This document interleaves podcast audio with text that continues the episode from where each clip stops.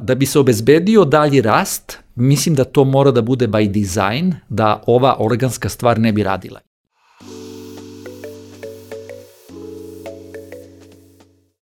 Poštovani slušaoci i gledaoci, dobrodošli u još jednu epizodu netokracijenog Office Talks podcasta. Pre nego što krenemo, kliknite na dugme subscribe, zapratite nas na YouTube-u, uključite zvonce kako biste dobijali nove notifikacije, to je notifikacije o novim epizodama.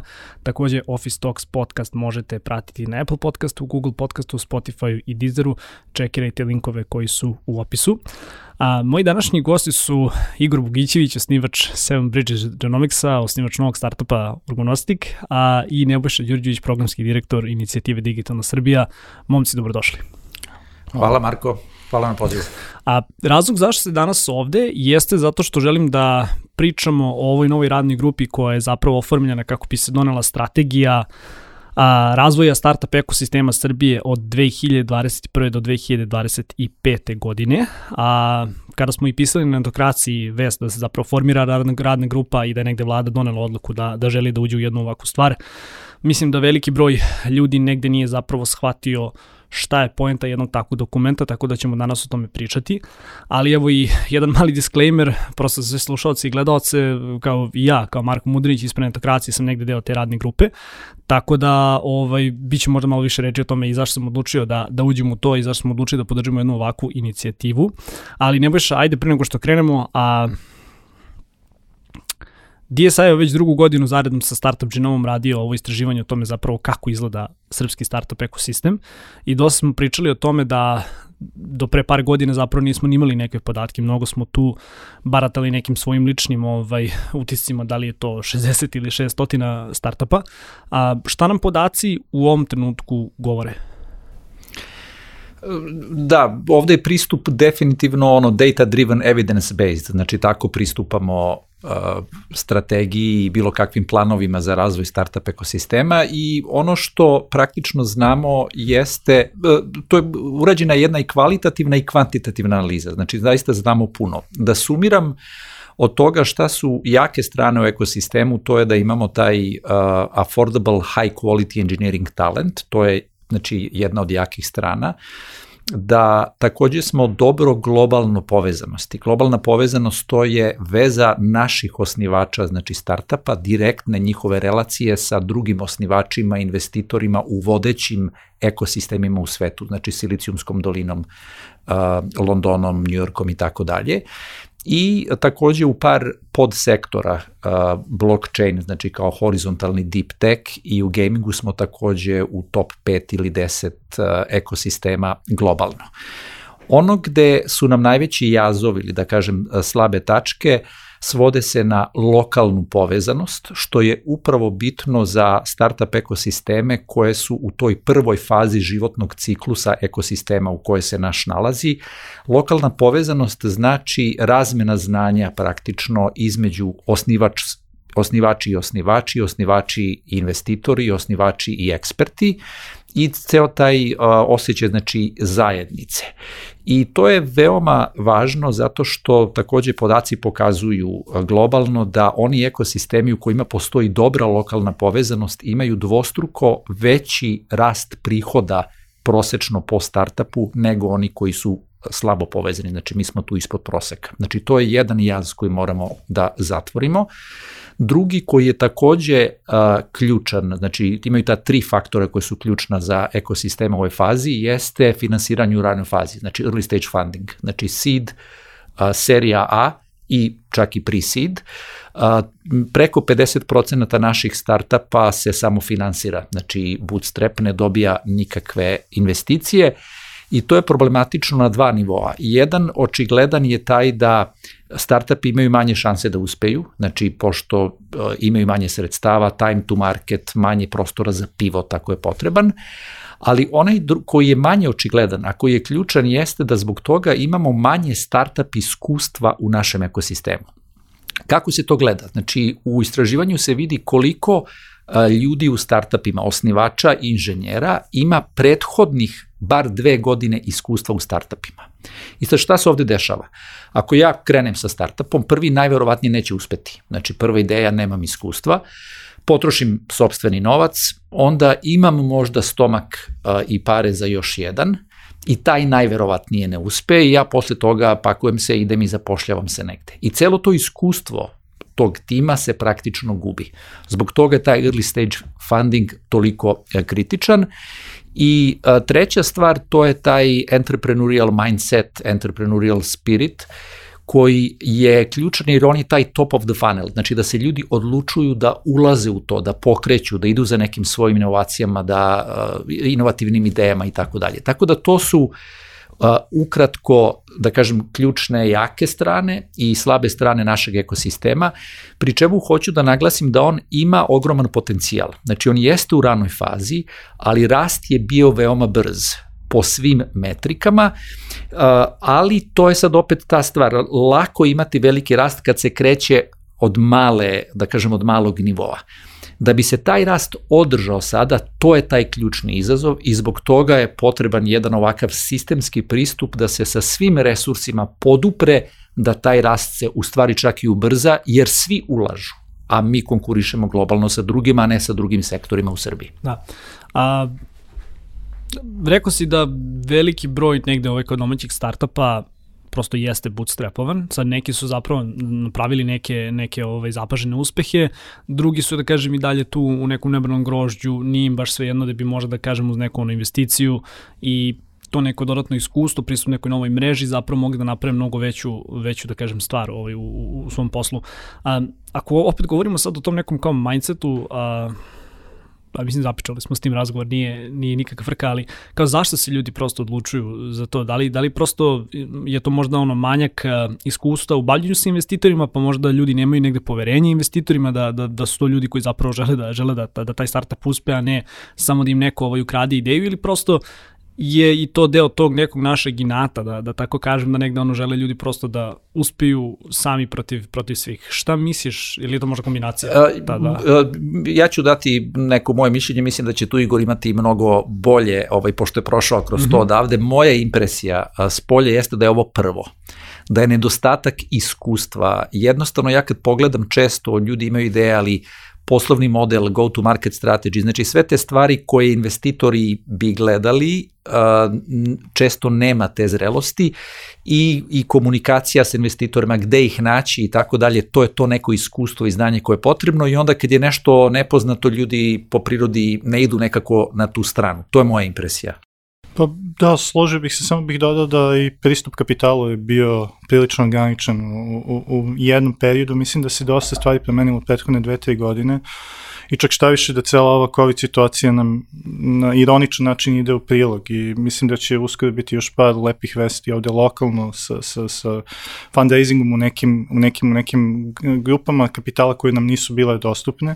Praktično ovde sem South Central Venture nije bio ni jedan fond, zapravo VC fond koji, koji operiše i takođe kapital koji je bio dostupan je često bio nižeg kvaliteta, kad kažem nižeg kvaliteta, mislim sve ono što dolazi sa kapitalom. Dakle, dakle ne samo novac, da. Novac je, iskreno novac je sekundarna stvar. Mislim, to je nešto što sam naučio na, na teži način i zaista ako, ako, ako, ako postoji dobra i kvalitetna saradnja sa fondom i investitorima, uh, to može da otvori neka mnoga vrata koja mi recimo odavde ne možemo da otvorimo, prosto nemamo pristup određenim ljudima, određenim kompanijama, određenom talentu i ovo što je Nebojša rekao je tačno, mi zaista kaskamo po pitanju product development kadra, a pogotovo business development kadra, ne umemo da pričamo sa investitorima, ne umemo da pričamo sa drugim biznisima i to je nešto gde zaista imamo mnogo da naučimo i zapravo samim tim ako budemo imali pristup boljim kapitalu i investitorima koji su mnogo bolje povezani i investirani, pogotovo u toj ranoj fazi, što kvalitetni pre-seed i seed investitori i rade. Oni su dosta hands-on i na neki način pomažu startupima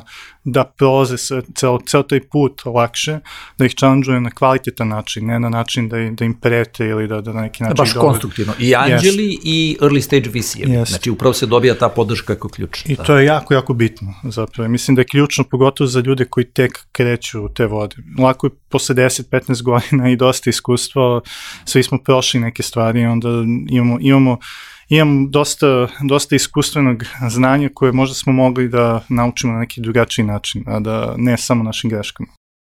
Da. Dobro, a I sad ne bojiš, još jedna stvar koju sam htio da te pitam, a, vidio sam zapravo jedan slajd, probat ću možda da ga, da ga linkujemo ako je moguće, a, ako gledam opet te kao neke faze u kojima se zapravo kao naš, naš ekosistem nalazi, mi smo u drugoj od četiri faze. U prvoj. se ne, u prvoj. Faza da. aktivacije. Prva od četiri. Znači, da. svaki startup ekosistem po toj metodologiji ima četiri faze životnog ciklusa. Prva je aktivacija, druga je globalizacija, pa da ne idem dalje. Mi smo u toj ranoj prvoj fazi aktivacije. Da. Je li to dobro ili loše ako sad već negde gledamo da kao već 10 godina ova neka priča se onako raste i, i razvija? Mislim, kako bi ti možda lično opisao trenutno ovo gde se nalazimo? Da li smatraš da smo na dobroj poziciji? Ono, eto, to je moje pitanje kao. Da, pa e, svaka faza je validna. Imaju ekosistemi, znači samo dva su u toj četvrtoj fazi. To je praktično London i Silicijumska dolina. Mhm. Znači sve ostalo je negde između.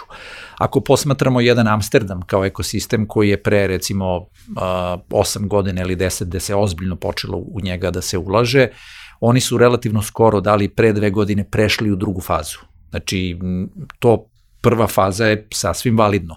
Tako da mislim da smo u dobroj poziciji. Znači, jer i ako pogledaš i u onom izveštaju Startup Genoma, tom, da kažem, javnom, mi smo dobro pozicionirani, imamo znači, ogroman rast, imamo talenat, naši startupi gađaju velika globalna tržišta, kad pogledaš te procente, ne znam ih na pamet. Znači, ovde ljudi imaju ambicije.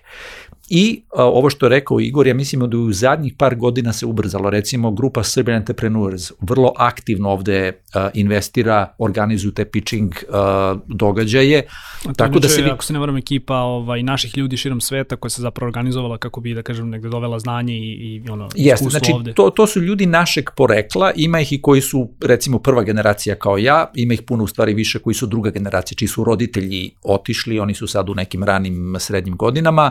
To su uspešni tehnološki preduzetnici, uglavnom Amerika, Kanada, Engleska, sad se to proširilo, imaju znači te chapters i na drugim mestima u Francuskoj, u, u Berlinu, u Nemačkoj, koji jednostavno se ponose tim svojim poreklom i preduzetnim duhom i uspesima i jednostavno žele da pomognu startupe u kojoj rade srpski osnivači bez obzira gde se oni nalaze. Znači da li je to neko ko je u Kanadi pa osnovo startup gde su naši ljudi, ali pre svega ovde, to ih zanima i žele da se ekosistem uh, razvija.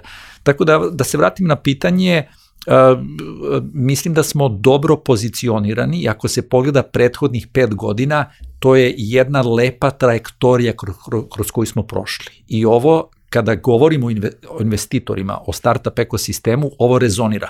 Evo ti recimo primjera, bio je ovaj tekst koji je izašao povodom ove radne grupe za strategiju, na LinkedInu smo to podelili, na srpskom je, A, meni se odmah, su, znači može se preveda automatski, meni se sutradan javlja Doug Steiner koji je legenda znači u fintechu, capital markets i tako dalje u Kanadi koga znam, osnivač vrlo uspešnih tehnoloških uh, startupa, ono serijski entrepreneur, i kaže, ja, ovo je jako zanimljivo, on se bavi startup ekosistemom u Kanadi, želi da porazgovara, i kad je čuo detalja, on odmah pravi veze. Evo moj, ne znam, Z je imao veliki exit od nekoliko stotina miliona dolara, on investira u fintech, ajde da vas povežem, ovo je po, karakteristi, po karakteristikama startup ekosistema, ovo je vrlo atraktivno. Zašto? Para ima strašno puno Znači, čak i u ovom COVID-u se u stvari toga nagomilalo, da ne ulazimo sad u razloge, nema gde da se investira. I sad, ako odeš u startup ekosistem koji u nekoj razvijenoj fazi, tu su već ušli, tu ima puno visijeva i oni se međusobno takmiče, znači teško je doći do dobrog dila. I tu je njima dosta napora i energije da razviju tu veze i da nalaze prilike za investiranje. A, prilika da sada uđu u naš startup ekosistem jeste to nije crowded, znači nema previše visijeva, oni tu mogu da dođu, mogu da uspostave kvalitetne veze sa osnivačima, da budu deo toga. Razvijeno, to je prilika, Upravo da. to. Znači to je za njih prilika i mi smo tokom priprema za ovu radnu grupu, znači da bismo prikupili informacije i pričali sa regionalnim um, visijevima, sa anđelima investitorima i ovo je validirano, znači oni to vide kao dobro i recimo čak ono što nalaze par ovih većih s kojih smo pričali, recimo oni vide kao manjkavost to što nemamo domaće srpske venture capital fondove.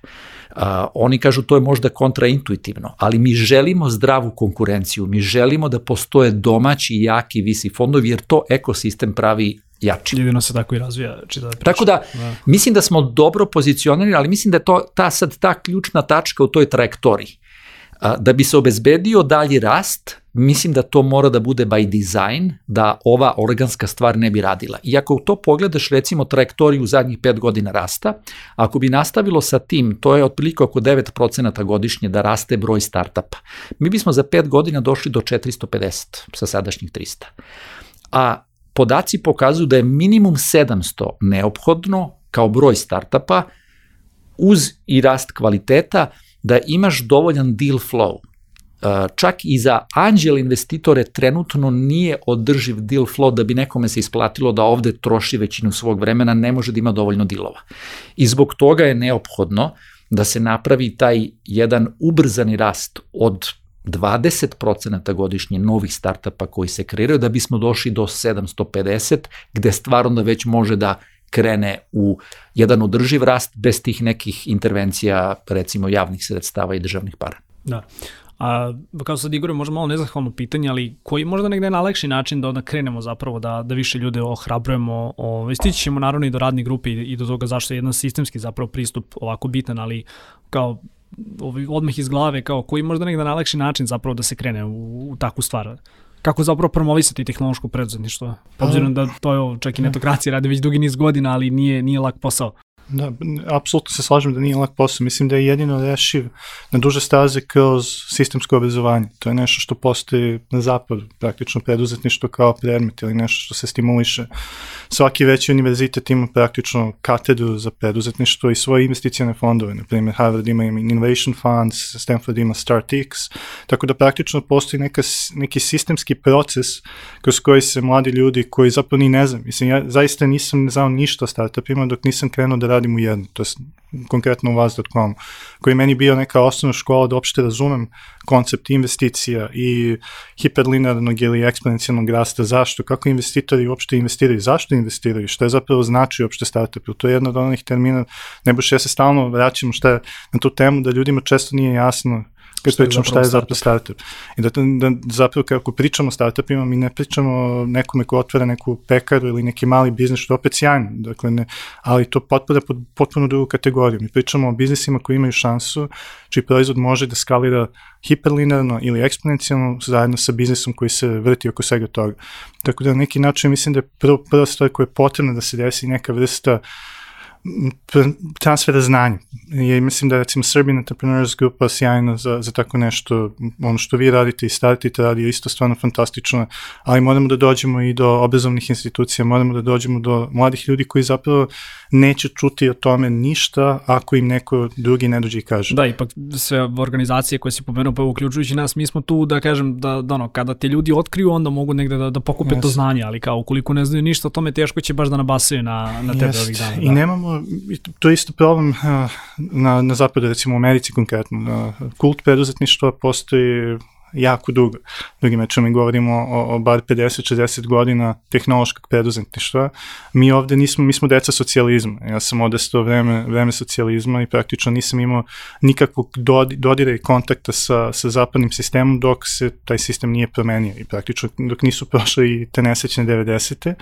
I na neki način mi moramo da, da, da pokrenemo taj točak, da na neki način približimo mladim ljudima a, koje su im mogućnosti i opcije koje mogu zapravo da, da, da dohvate, jer ništa od ovoga nije posebno. Mislim, niko od nas nije ovde naročito poseban ili specijalan. Mi smo samo, igram slučaja, prošli kroz određeni set iskustava i nismo odustajali svemu tome i došli do nekih boljih startnih pozicija nego što su recimo imali, imali neki, neki drugi ljudi. I takođe mislim da to može sistemski da se reši. Mislim da, da može da se desi još mnogo Seven Bridgesa, Nordeusa u, u Srbiji. Mislim da ne postoji razlog zašto ne bi. Tako da, ali da bi se to desilo sistemski, mi moramo da, da napravimo sistem u kojem će se tako nešto dešavati. Da.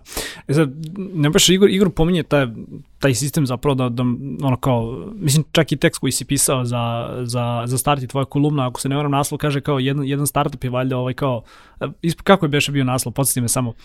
A, izuzetak, ne mogu se setiti. Deset, da, i, deset- i, de, deset deset startupa su, su izuzeci, a 100 startupa lupam su ovaj, ono zapravo kao pokazali da, da si nešto dobro i sistemski uradio. I sad opet ono kao pre, prepucavajući se malo sa, sa ljudima na, na Twitteru kao što to inače volim da radim, a, mnogo njih su rekli kada je izašla ova vest o, o radnoj grupi kao pa dobro, ali kao da li baš ono treba uključivati državu, zašto n- prosto ne pustimo da se čitava ta stvar ovaj, razvija sama od sebe dolazimo zapravo sad do tog momenta gde, gde ću te pitati kao prvo zašto, zašto je potrebno raditi takvu jednu stvar i zašto je neminovno prosto potrebno uključiti državu ovaj u, u, u, tu priču. Ali mnogo je ljudi negde opet bilo kritično kada prosto kaže pa kao to malo zvuči rogobatno, te radna grupa, te neka strategija, kakvi su sad to dokumenti. Meni je bilo fascinantno kada si, kada si, mi, kada si mi okrenuo i kada si mi zapravo rekao da, da, da sa ovim stvarima koje se radi da je ovo negde prvi put da će prosto termin startup biti prepoznat u nekom javnom dokumentu. Pa ako hoćeš da krenemo eto, od, od tog trenutka. Da, pa evo, evo možda prvo da okrenem uh, zašto je potrebno ovako šire. Znači ima stvari koje mogu da se reše samo u privatnom sektoru. Ima stvari koje može da rešava samo država i nema potrebe za nekom saradnjom.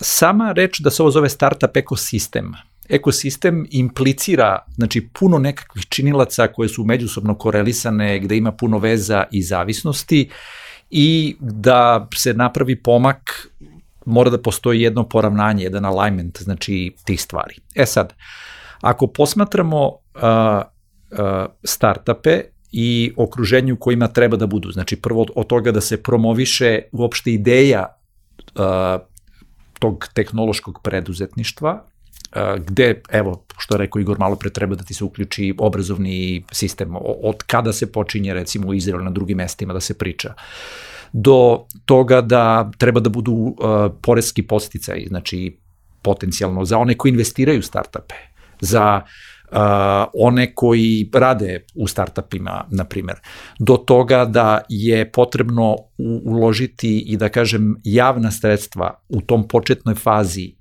da se zavrti, da postane održivo za kapital, to ti govori da je u tom ekosistemu potrebno da se da uđe, što bi rekli na engleskom, policy and budget might države. Znači oni koji kontrolišu politike i koji kontrolišu taj javni budžet, znači novac svih nas, ti resursi su potrebni da bi se ekosistem a, pomerio.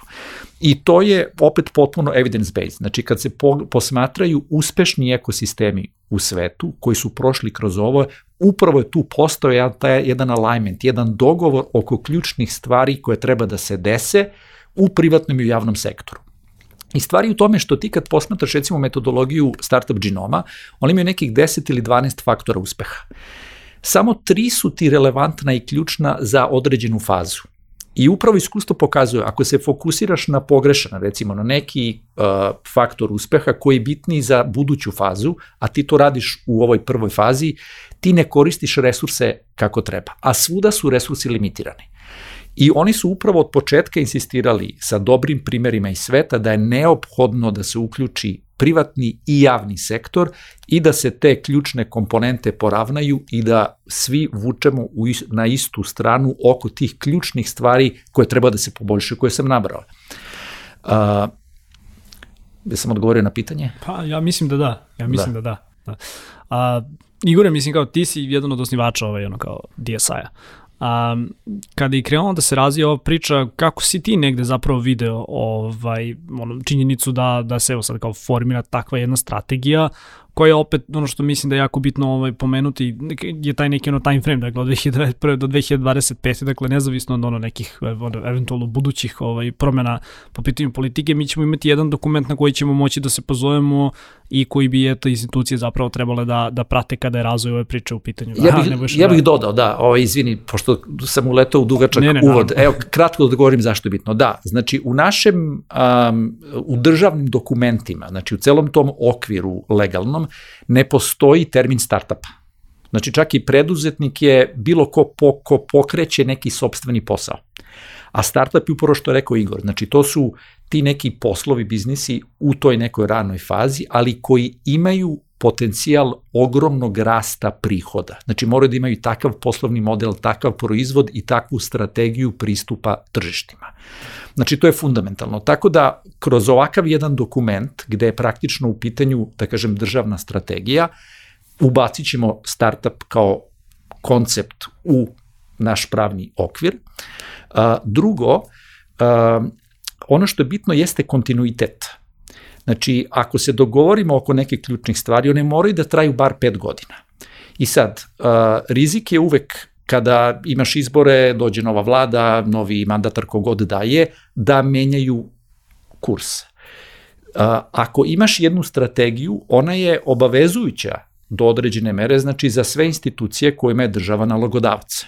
Tako da ako je potrebno da se ostvaruje određeni budžet u oblasti obrazovanja ili investiranja ili bilo čega, tu sad postoji jedan dokument koji je obavezujući na koji se može pozivati i tu je mnogo veća šansa da se obezbedi kontinuitet koji je potreban. Tako da odatle mislimo da je zaista ovo veliki korak napred što se kreće na izradi jednog ovakvog dokumenta jer on ima težinu.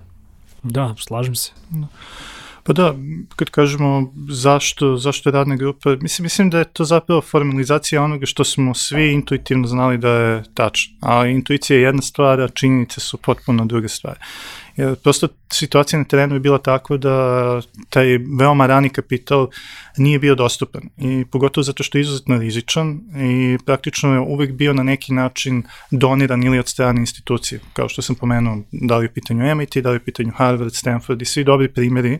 I znam dosta ljudi koji su prolazili kroz i programe i praktično dobijali taj ve, veoma rani funding koji su posle napravili neke veoma uspešne kompanije.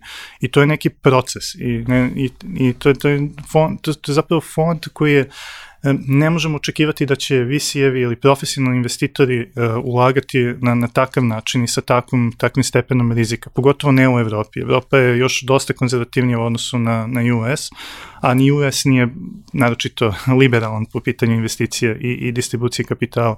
Tako da tu postoji jedan ceo, ceo, ceo prostor veoma ranjivih, ranih kompanija koje se nekad nikad ne dese zato što prosto, kao što Nebojša rekao, nema uslova za njih, ljudi potroše svoje resurse ili se ne odvažuju uopšte da, da, da uđu u tako nešto i ne postoji, ne postoji nikakav prostor za učenje i za na neki način građenje nove generacije preduzetnika, pošto mislim da su se ovde preduzetnici kao što je Nebojša rekao dešavali. Nisu se sistemski pravili, što mislim da nije slučaj sa nekim drugim ekosistemima. I mislim da je ova vrsta inicijative koja, koja je napravljena sa, sa ovom radnom grupom pokušaj da se formalizuje taj proces da. uh, oformljavanja i, i, i na neki način građenja i preduzetnika i, i nove generacije startupa, da zapravo napravimo sistemski pomere. Naravno, to je pitanje šta ćemo uspeti, kako ćemo uspeti, ali ništa se nije desilo samo od sebe. Dakle, ako ne pokušamo, neće se desiti. I mislim da je zato i da, da je baš zbog toga bitno da se napravi neka vrsta institucionalnog procesa obrazovanja i, i stimulisanja mladih preduzetnika. I naravno, niko, mislim, mi u privredi ne razumemo državu ali opet sa, druge strane ne možemo da funkci, funkcionišemo van okvira zakona države i neki dijalog mora da postoji. Mora, I mora da postoji, da. I mora da postoji neki kontinuitet u celom tom procesu, jer mi ne možemo da čekamo 20 godina da neke uslove koji se možda nikada neće desiti. I prosto moramo da delujemo sada. Imamo ograničeni život i ograničeno vreme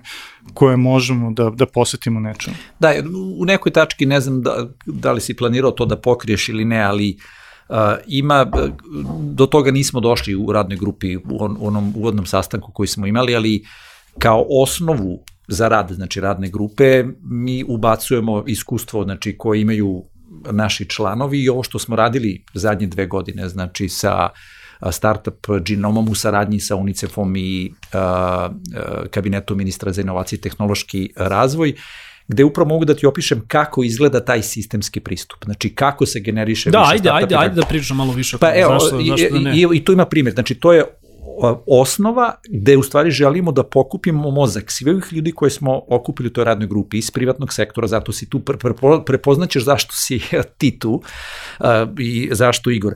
E, e, I ima i konkretnih primjera znači, koje sam ja direktno video iskusio. Znači imamo taj vrh, znači šta, je, šta treba da se uradi da bi došlo do ubrzanog razvoja startup ekosistema? Uh, znači cilj je da se poveća broj startupa. Znači mi moramo za pet godina ako je to realan uh, period, da mi mislimo da jeste, da dođemo do tih preko 700. Čisto broj startupa je bitan zbog tog deal flow. Drugo, mi moramo povećamo kvalitet startupa, znači u smislu onih koji su fundable, uh, sa stanovišta privatnog profesionalnog kapitala. I uh, uh, mi moramo da povećavamo da povećamo investicije te early stage, jer ako on, analiziramo, znači ovde je znatno manje investirano u ekosistem nego u one sa kojima konkurišemo, znači globalno ekosisteme koji su u istoj fazi. I sad kako se to radi? Ako pogledaš taj top of the funnel, znači kako da dođemo do toga da se kreira više startupa, tu su par stvari. Jedna, mora da se promoviše uh, taj entrepreneurial mindset, uh, spirit, kultura, da je failovati super, da treba brzo failovati ako ideja ne radi, da je to sasvim, znači ceo taj deo jedan. A drugi deo jeste gde neophodan je taj spray and pray, uh, kako ga zovemo kolokvijalno. Znači, uh, svake godine, recimo to je ulaz kao input za ovo, treba svake godine da damo 50 prisid grantova dobrim timovima. Ali kako to treba da se radi? Znači, ne da ti previše para. To je nekih 20 do 30 k evra. To je to što je dovoljno jednom timu koji je gladan, koji želi uspeh da vidi ima li ta ideja noga ili nema. Ako nema, super, failuj brzo i recikluj te ljude, inženjere, osnivače u neku drugu ideju, da ostanu u ekosistemu. A ako ima ideja noga i potencijal, ići će dalje. E tih 50 recimo prisid grantova, to, se, to su svuda da kažem, javna sredstva. Znači, neće privatni investitori ići i deliti okolo za tih 50 timova. Znači, ovde je stvar u tome da to budu državne pare, ali da odluku donose, znači da u toj izbornoj komisiji budu prevashodno ljudi iz privatnog sektora koji imaju to iskustvo. Znači neko tipa Igora ili neko ko je prošao, ko ume da prepozna. Jer šta je njihov zaratak? Da kažu, e, Milica, Jovan, Petar i Jovana, oni su super timovi, ti prepoznaješ timove. Ideja im je, ok, ne znam baš, ali nije bitno, mi investiramo u njih. I daš im tih 30k i pratiš ih i daješ im neku podršku. I sad, to znači svake godine. To ti je milion, milion i po evra koja treba da uđe za to da investiraš u timove. I sad, sledeće godine dođeš i kažeš, u, vidi sad Jovan i ovaj njen tim imaju traction. Znači, ova ideja napreduje tu sada ideš da dižeš kvalitet. Moraš da ih ubaciš u dobar akceleratorski program, da opet im daš malo para, da kroz njega mogu da prođu. Ti hoćeš da oni dva dana nedeljno, tri meseca zaista prolaze kroz neki trening, da dobijaju taj business development skills i da dižu pare. I kao deo tog programa daš im top mentore šest meseci Znači, ako si u fintechu, to treba da bude neko iz Londona ili Frankfurta ili New Yorka, znači centara gde postoje top mentori koji su tu šest meseci da tim startupima uh, pomažu i za to vreme ih takođe stimulišeš da nađu privatnu investiciju. I ako nađu privatnog investitora koji je ili anđeo ili VC fond koji ulaže u ranoj fazi, da se mečuje državnim parama investicija koje tu nađu, da bi praktično privukao i napravio to atraktivnim tom privatnom kapitalu. Za taj akcelerator za izbor tih startapa i za to kofinansiranje je takođe ključno da u tom izbornoj komisiji budu prevashodno ljudi iz znači privatnog sektora koji će staviti sobstveni, znači privatni sektor stavlja sobstveni novac i koji umeju da prepoznaju ovaj. Tako da, evo ti sad jedan primer, recimo ja gledam kad su to radili u Ontariju, u Kanadi, predno deseta godina. Isto je bio startup ekosistem u ranoj fazi, zaključili su da nije održiv za privatne investitore, da, je, da nema dovoljan deal flow i oni su napravili jednu matching šemu gde su, ja mislim, prve dve godine davali čak grantove Znači, ako startup nađe tri anđela koji su uložili 100k, država da 100k grant.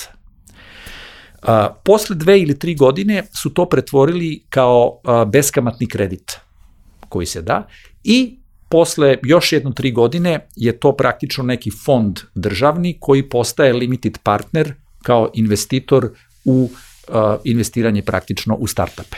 To je rađeno u Amsterdamu. Znači, kada su oni pokušali da, da ubrzaju svoje ministarstvo ekonomije njihovo i imali smo direktno razgovore sa njima, pošto su i oni startup džinom član, oni su napravili fond fondova, gde su napravili poziv i rekli, e, svi visijevi koji će investirati u Amsterdamu u startupe, kojima je early stage focus, znači seed i serija A, ako digneš 5 miliona od high net worth individuals privatnih investicija, investicija oni su mečovali sa 5 miliona državnih para, tako da taj fond menadžer sada ima 10 i uh, ako tu bude znači neki povraćaj, država znači dobija nazad te pare, taj menadžer fonda i to se dalje reinvestira. Ali i tu poenta da u stvari odluka gde se investira ide od onih ljudi koji znaju, znači privatnih investitora, ili anđela države, ili da. menadžera fonda. Jer svuda je prepoznato da svaka država, znači ne sad naša, je notoriously, notorno loša u prepoznavanju gde da investira, jer to nije njihov core competence, oni se tim ne bave. I ako napraviš program da praktično oni prate oni koji imaju skin in the game, znači anđela investitora koji će da uloži svoje pare i svoje vreme, to je praktično najbolja moguća varijanta. I u tim razgovorima, znači koji su bili u prethodnih par godina, a, tu je bilo i znači direktno jako puno razgovora sa ljudima u državnim institucijama koje se ovim stvarima bave, kao što kažem i kabinet ministra za inovacije i tehnološki razvoj od početka bio u tom projektu, to je prezentovano kada je dolazio JF iz Startup Genoma i ljudima iz Ministarstva privrede, financija i tako redom, kao što su bili sa, sastanci sa startupima, sa IT servisnim kompanijama, da svi vide značaj toga i da se praktično napravi alignment oko tog pristupa. I ako posmatraš ovu radnu grupu, to je rezultat toga. Ono što je zaista dobro, ti kad pogledaš, tu nema ni jednog ministra. Znači, I u ovom delu radne grupe gde su ljudi ispred Ministarstva privrede, financija, to su ljudi koji su stručnjaci u svojoj oblasti. Da. Ajde I... čisto ako možemo možda i da, da se dotaknemo toga kao ko zapravo čini ovaj radnu grupu, jer opet još jedna od bitnih stvari koje mislim da, da je ovako fair i, i, i potrebno zapravo istaći jeste da, da je država negde zapravo dala privredi ako mogu tako da kažem, odrešene ruke da se donese jedan ovakav dokument, da se donese jedna ovakva strategija i onda su zapravo uzeti ljudi koji su dakle iz uh, ovaj, vladinih organizacija, koji su da kažem negde iz klastera, možeš li nam možda malo da. više o tome? Pa evo ovako, da... znači, na, da kažem, pomene sam, sa, stanov, sa strane države, tu su odgo, uh, sva, da kažem, relevantna ministarstva. Od obrazovanja, uh, privrede, financija i tako dalje. Na strani privatnog sektora, znači tu imamo uh, predstavnike skoro svih uh, IKT klastera uh, iz cele Srbije, imamo startup support organizacije, znači hubove uh, i tako dalje. Uh, tu imamo naučno-tehnološke parkove, uh, opet iz cele Srbije, uh, inovacioni fond, um, predstavnika Svetske banke, imamo sad sa da kažem, sa stanovišta medija, pošto je to ključna stvar, evo, znači netokraciju, uh, uh, tebe, imamo uspešne preduzetnike, naše, znači tech entrepreneurs, koji su uspešni globalno. Evo recimo Igor, Igor. koji je tu bio u, u, u Seven Bridgesu i sad u Gnostiku. Imamo uh, i Sentilija Zorana Vasiljeva, koja je 20 godina bio u Aziji, u Singapuru i vratio se prošle godine u Srbiju, vodi uh, Sentili, znači direktno, lično dolaze da sa svojim iskustvom oko toga pomognu. Tako da to je radna grupa i e, činjenica da su stavili znači mene ispred inicijative Digital Srbija da to e, praktično povedemo i da usmeravamo e, rad te grupe govori da je ideja da to bude jedna stručna radna grupa koja treba da napravi takvu strategiju i akcioni plan za prve dve godine. Znači, to je ono što radna grupa treba da uradi. Da. A, dobro, Nebojša, hvala. Mislim, do, dotaći ćemo se još tih nekih ciljeva ovaj, i kratkoročnih i dugoročnih malo kasnije, ali, ali hoću sad ovaj, Igore da pitam, znači sa svim ovim nekim stvarima koje, koje je Nebojša zapravo ovde rekao, ka tome gde naš zapravo ekosistem ide u kom nekom smeru, ovaj, makar pokušavamo da ga, da ga vodimo. A, hoću negde da napravim prosto plastičnu neku, plastičnu neku poređenje toga, na primjer, kada si, ono, kada si ti pokretao SBG, pa evo isti sada organostik, znači dalje govorimo o tom nekom trenutnom stanju, nasuprot nečega što bi moglo da dođe kroz, kroz par godina, pa čak i ovaj model su finansiranje ili, na primjer, ti neki prisit grantovi. Ako možeš možda da nam napraviš neko poređenje uh, zašto su te stvari dobre za nekoga ko, na primjer, tek osniva svoj startup, znači ko nije, da kažem, možda serial entrepreneur poput tebe u ovom trenutku i kako bi ti možda gledao na tu stvar da, da, da je postojala 10 godina ranije?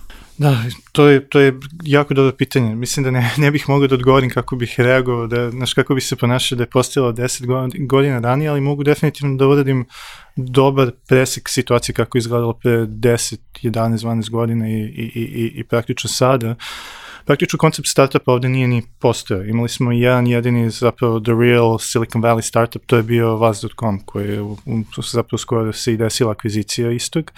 Uh, I to je praktično bio jedini teren gde je neko mogu da ima neko startup iskustvo u, u Srbiji. Kad smo mi kretali sa, sa, sa Seven Bridgesom, prosto se desio zato što je moj co-founder, osoba koju poznajem preko interneta i da, da, da stvar bude još interesantnija, manje više 15-20 godina, uh, je prosto im, čovjek je bio izložen određenom, određenom ekosistemu u kojem je Batek bio zaista sve prisutan. Cambridge je, u Massachusettsu je zapravo predstavnica Batek industrije u svetu, svi su tamo, tamo je Harvard Medical School, tamo je MIT, Harvard isto, svaka Batek kompanija koja nešto znači je bukvalno na tom jednom malom komadu zemlje.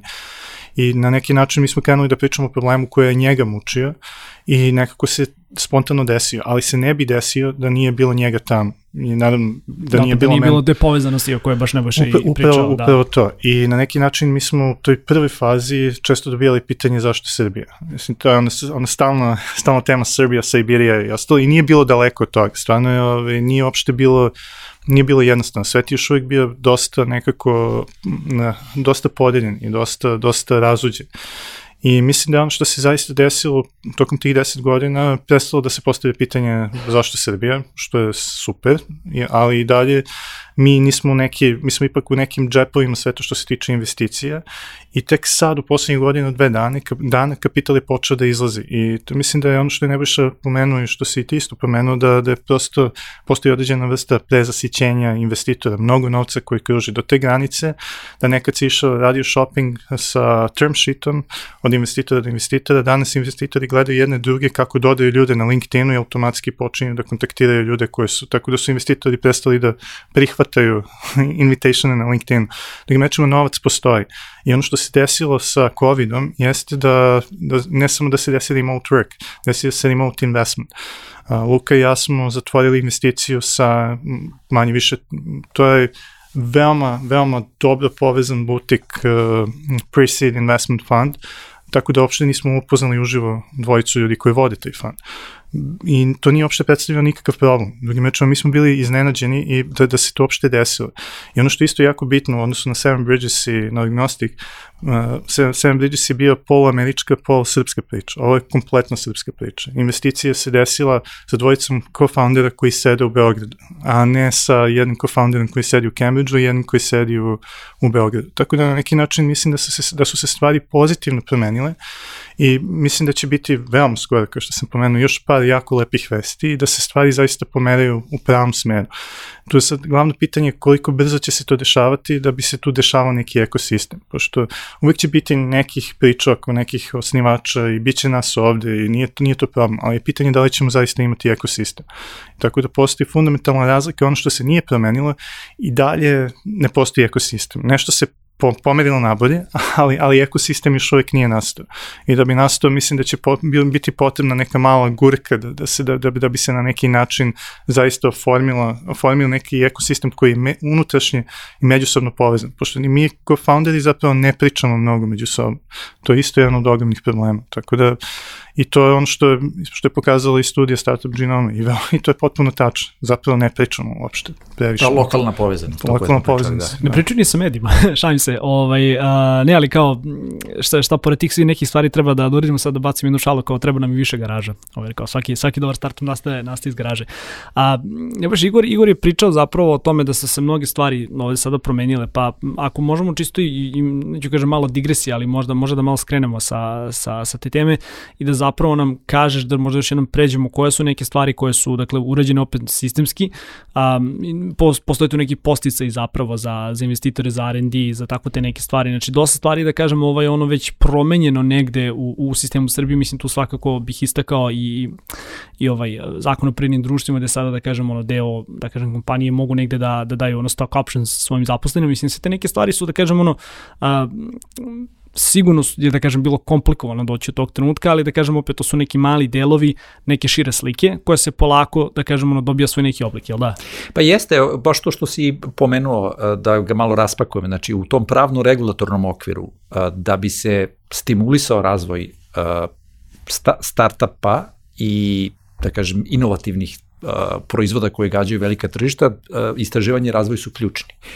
I tu sad imaju dve bitne stvari, znači ulaganja u istraživanje i razvoj R&D se odbijaju dvostruko kao odbitak, znači od prihoda, tako da se umanjuje znatno osnovica za uh, corporate income tax, a takođe za prihode od uh, stvari koje su bazirana na intelektualnoj svojini razvijenoj u Srbiji je taj corporate income tax samo 3%, takozvani IP box. Tako da praktično a, investiranje u R&D u Srbiji i prihodovanje iz Srbije dovodi do skoro 0% corporate income a, takse. Znači to je vrlo a, privlačno. Onda postoji a, a, recimo to je jedna ključna stvar. Dalje, osnivači startapa su oslobođeni poreza i doprinosa na plate tri godine. Znači to već postoji.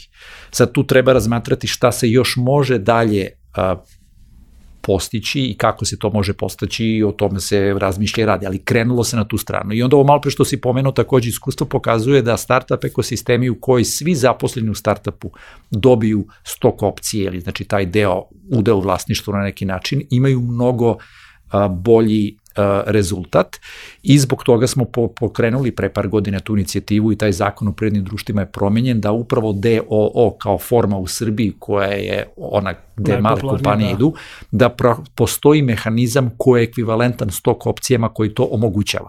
Sve su sad to elementi, ali tu nema srebrnog metka. Znači, nema to silver bullet i ovo će sve da reši. Ne. Mora da se dodaje puno toga. Recimo, poreski kredit za a, fizička lica, za anđelevne investitore, ako investiraju u startup, to je takođe ključno da bismo to podstakli.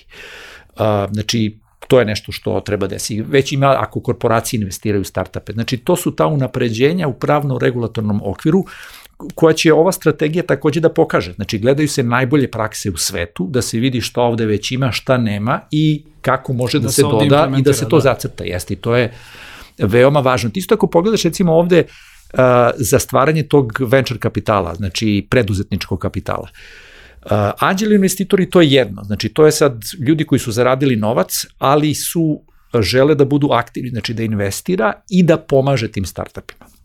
Međutim, venture capital je praktično, ako sad nas dvojica smo menadžeri, krećemo fond, hoćemo da privučemo investicije ljudi koji su high net worth individuals, znači oni koji imaju novac, investiraju ga, ali nisu anđeli, znači ne, nemaju domensko znanje. Oni zapravo uložu fond i onda neku drugi tim fondom Tako, upravlja, znači da. to je njihova investicija i sad to u Srbiji takođe treba da vidimo kako da promovišemo. To je jedan od zadataka ove radne grupe. Znači mi imamo puno ljudi ovde koji su zaradili novac u tradicionalnoj privredi, kroz privatizaciju, kroz rast svojih biznisa i tako dalje i sad dokle ćemo kupovati stanove. Znači ovde uglavnom bilo nekretnine.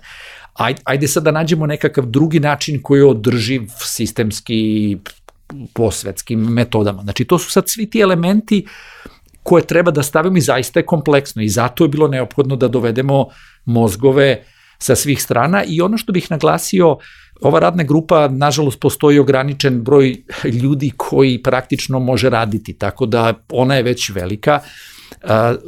Nama je ključno zaista pozivamo sve u ekosistemu koji uh, imaju znači, ideje i šta da kažu no, na ovu temu da nam se jave i organizovat ćemo znači, konsultacije sa svima u ekosistemu da prikupimo informacije, da se konsultujemo, da to uđe u, uh, da kažem, ovaj dokument da. na, na neki način, jer jednostavno teško je dovesti 100-150 ljudi i nešto raditi operativno, ali kad ga razbijemo na ove uže radne grupe, tu ideja u stvari da tu uključujemo i konsultujemo po temama druge ljude iz ekosistema koji tu imaju ekspertiza, komentara i koje mogu dati svoj doprinos.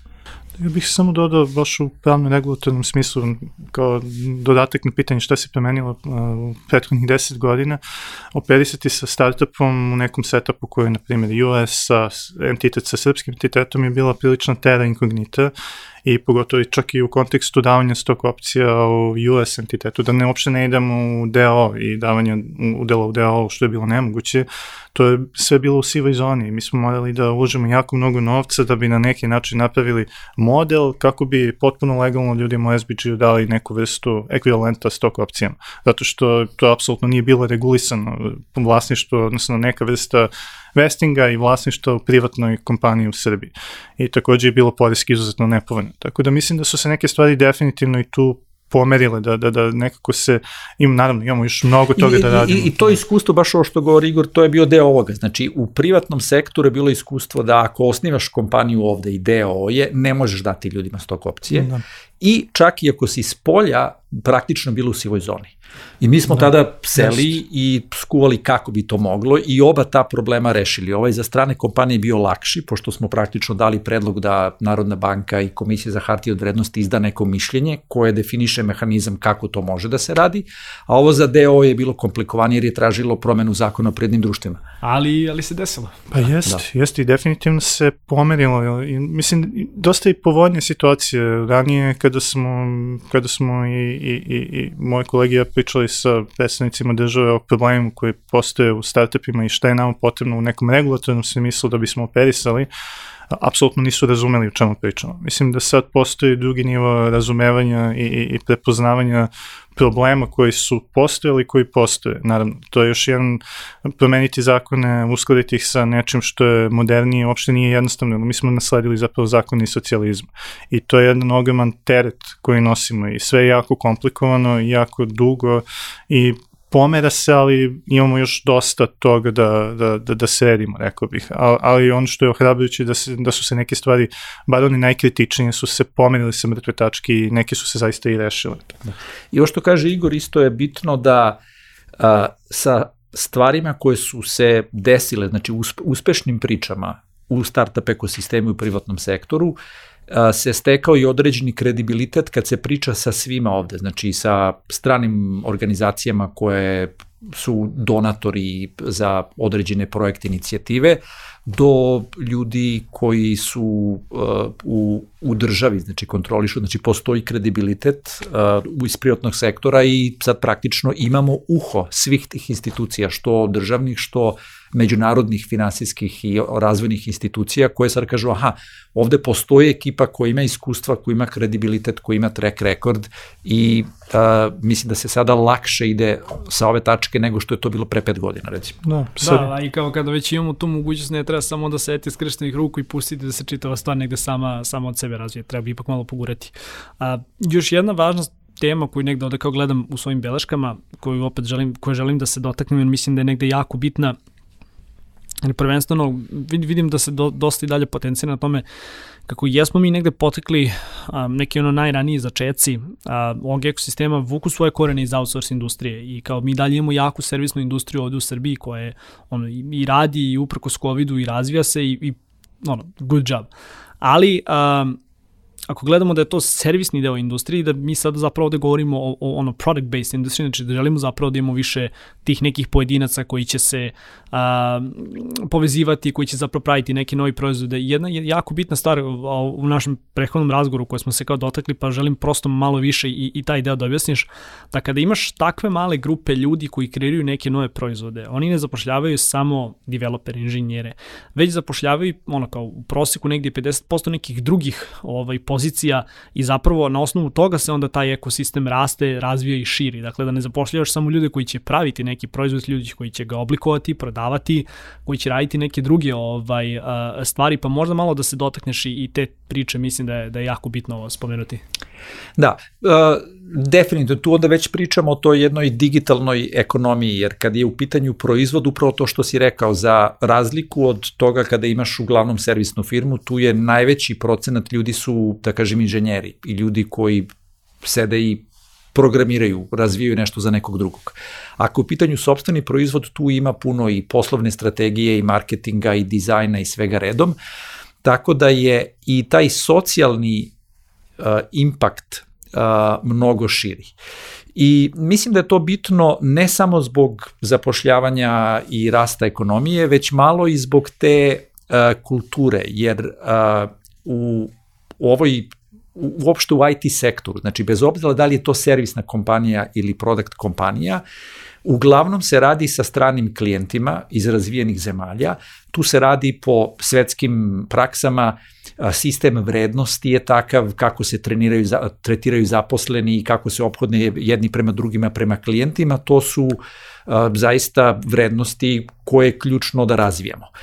I a, kompanije koje razvijaju sobstveni proizvod time što uključuju i marketing ljude i HR i sve redom, praktično taj a, dobar digitalni globalna priča i sistem vrednosti se širi mnogo više u našem društvu i privredi i pravi jedan mnogo veći impakt. I mislim da je to jako bitno pošto uh, malo je došlo do neke vrste prostora slojavanja. I, super je ako si programer, a ako si vredan i pametan i sve to redom, ti nemaš nekako jednaku priliku ovde. E, ako guramo da se što više razvija sostavnog proizvoda, uključit ćemo sve te druge sjajne, talentovne, pametne ljude koji učestvuju u kreiranju vrednosti i napravit ćemo uh, jednu širu ekonomiju u kojoj radimo po najboljim svetskim praksama, sistemu vrednosti i svemu redom što je bitno da poguramo zemlju napred. Mislim, ja bih još dodao jednu stvar koja je vezana za servisnu industriju. To je na kraju dana biznis određenih margina i ne skalira praktično skalira samo sa brojem ljudi da, koji su... Koliko klijenata imaš, toliko ljudi moraš da dovedeš da bi obsluživali te klijente. Jest. Da. I vremenom u svakom ekosistemu cena, cena zaposlenih u visokotehnološkim kompanijama raste i margine postaju sve niže. Postoje i druge mnogo konkurentnije države koje zapravo imaju mnogo veću količinu ljudskih resursa i jeftinije su od Srbije. I vremenom, i to je ono čemu zapravo svedočimo, što se dešava ovde, polako se dešava konsolidacija outsourcing i servisnih biznisa, zato što su neodrživi kao postali su neodrživi kao neki mali mali biznisi, mali grupe ljudi koji zapravo rade neku vrstu servisa, osim Šeći, ako... plate su porasle, da. Plate su dramatično porasle. Evo, kad sam radio budžet za agnostik inicijalni inženjerski u odnosu na inicijalni SBG budžet, kad sam ga uporedio, bi duplo veći. Dakle, za, A koliki je span godina, raspon godina? 10 godina, sa tim da se dramatično ubrzao u nekom prethodnih par godina. Drugim, tako, tako da praktično taj biznis sam po sebi u ovom obliku koji je postoja nekad nije održiv. Jedini način da mi nastavimo da rastemo u tom nekom kontekstu aj prihodovanje kao tehnološkom, u tehnološkom sektoru, da ne uključujemo samo IT sektor, jeste da krenemo da pravimo proizvode i biznise koji skaliraju hiperlinearno ili eksponencijalno. To je jedini način da mi ostanemo konkurentni, pošto druga opcija je da plate padnu a, ili da ljudi odu prosto a, iz države zato što nisu zadovoljni svojim primanjima. Ili nekako, mi smo već u ravni, m, recimo kad sam upređivao plate skoro u Španiji, a, plate u Španiji su niže u IT sektoru nego u Srbiji cene stanova u Barceloni su daleko veće. Drugim mečom postoji već određeni disparitet. Talent tamo je fantastičan, dakle da se ne lažemo, mi smo ovde sjajni, ali ima mnogo sjajnih ljudi po celom svetu. Tako, Tako da neki... Koliko god da smo sjajni, negde i naši nedostaci sada izlaze na videlo. Jeste, jeste. Ja bih samo dodao, ako posmatra, znači, uh, i nama je cilj i neophodno je da rastu i taj servisni deo, i proizvodni. Ono što imamo sada jeste disproporcija, jer je 80% su IT servisi, a 20% su samo proizvodni. Ako pogledaš tu polugu, a, ono, i, č, i, a, jedan inženjer u stvaranju sobstvenog proizvoda može da kreira mnogo više vrednosti nego ako je to pružanje usluga. Međutim, neophodno su jedna i druga, pošto servisne kompanije imaju veoma važnu ulogu u stvaranju talenta i svega redom i teško je napraviti proizvod. Jednostavno ne mogu svi biti u proizvodu kao što ne treba ni da budu svi samo u servisima. Ali ono što sa servisima će se desiti što pričao Igor jeste to da ima taj jedno, taj jedan skviz, jedno stezanje, da je praktično oni koji pružaju servise sa velikom dodatnom vrednošću, znači ili su specijalizovani u određenom domenu i onda imaju dobre margine a, sa kojima rade, ili uzimaju veći a, lanac tog procesa razvoja proizvoda za klijenta, oni praktično imaju perspektivu i to je deo koji zaista će nastaviti i a, bit će održiv. I s druge strane, ono što je proizvod. Tako da to je sad bitno da imamo ovaj deo kompanija koje su servisne, koje su negde između, one će morati da bi opstale da nađu način ili da pređu tu veću dodatnu vrednost u servisima, da ili da prave uspešne da, proizvode. Mnogi, I to se sigurno da, dešavalo. Mnogi, nema... mnogi od njih su sad, evo, mislim, baš kao ono, kroz, kroz moj rad vidim da su mnogi od njih zapravo krenuli da razvijaju sobstvene proizvode. Jeste, da. pa to ne isključuje se međusobno. Tako je. To, to, da. tako, tako da na neki zapravo način... jedna industrija treba apsolutno da podržava drugu. Da. Jeste, i postoji određena servisna komponenta i u kompanijama koje razvijaju proizvod. Primjer, Sam Bridges ima ozbiljnu servisnu komponentu. Mi smo bili, bili bliži Palantiru prema modelu poslovanja nego, nego na primjer, SaaS kompaniji, zato što prosto takav je domen. Ne, ne, nemoguće operisati u tom domenu bez određene količine servisa. Tako da potpuno se slažem, jedno ne isključuje drugo, samo trenutno, zato što je mnogo bilo lakše započeti, započeti neki outsourcing biznis, zato što su ljudi koji su izuzetno tehnološki talentovani i obrazovani ovde bili veoma jeftini i to se promenilo. Drugim načinom potrebna je neka dodatna vrednost na ovaj ili onaj način. Da. Dobro, momci, evo za kraj negde da, da prosto promo da sumiramo, a sve ovo što smo danas rekli, možda kroz prosto predstavljanje nekih ciljeva i nekih rokova ovaj, po pitanju radnih grupi i svega onoga što, što treba da uradimo, pa ne buša, hoćeš da, da probaš da. nekako da zatvoriš ovaj razgovor. Pa evo ukratko, znači, onako dosta je to agresivno, ali ideja je da za šest meseci bude gotova strategija i za pet godina ubrzanog razvoja startup ekosistema i akcioni plan za dve godine, najmanje jedno, ali znači gađat ćemo da to bude dve godine. I praktično ova radna grupa će biti podeljena na uže radne grupe po temama, recimo upravo u finansiranju u ranoj fazi. Znači tu će se prijaviti određeni broj ljudi koji je domenski u tome. Kako da širimo taj preduzetnički duh, kako da taj levak na početku punimo, to je druga tema i tako dalje. Tako da u prva dva, tri meseca će baš biti puno to konkretnog rada da se a, krene i kao što sam rekao, znači ovde postoji dobra osnova. Znači prvo, evo, mi smo uneli a, znanje iskustvo naših članica koje kroz naše interne radne grupe od onoga šta smo mi naučili, koje su najbolje prakse i tako dalje. Drugo, rezultati rada sa Startup Džinom u koju učestvovala šira zajednica u prethodne dve uh, godine i takođe se nadamo da kroz ovaj poziv i dalje konsultacije, znači za te uže radne grupe, da ćemo pokupiti uh, dovoljno iskustva i sa kretanjem iz te, a, od te baze mislimo da se može artikulisati i da za šest meseci zaista praktično imamo strategiju i akcioni plan za par godina urađen. Sa ovim ključnim ciljevima da povećamo broj startapa, da podignemo kvalitet startapa, da zatvorimo taj jaz u finansiranju u ranoj fazi, znači da zaista krene da se tu zavrti jedna ozbiljna grupa anđela investitora i da se kreiraju i domaći venture capital fondovi. Znači prvih par godina to su uglavnom akcenati na anđele, a recimo treća, četvrta, peta tu već treba da grune i da uleće praktično visi komponenta i cilj je da tu lokalnu povezanost u samim centrima, znači ekosistemima i među njima, znači kako priključiti Niš, Kragujevac i tako dalje, to je nešto što zašto treba da napravimo plan, ali kažem ne krećemo od nule. Najbolje prakse i sveta i ovde šta smo pokupili stoje na stolu ovoj radnoj grupi da uh, doradi, dopuni, izmeni i da napravimo toga nešto robustno. Na nama je da implementiramo. Da. Igore.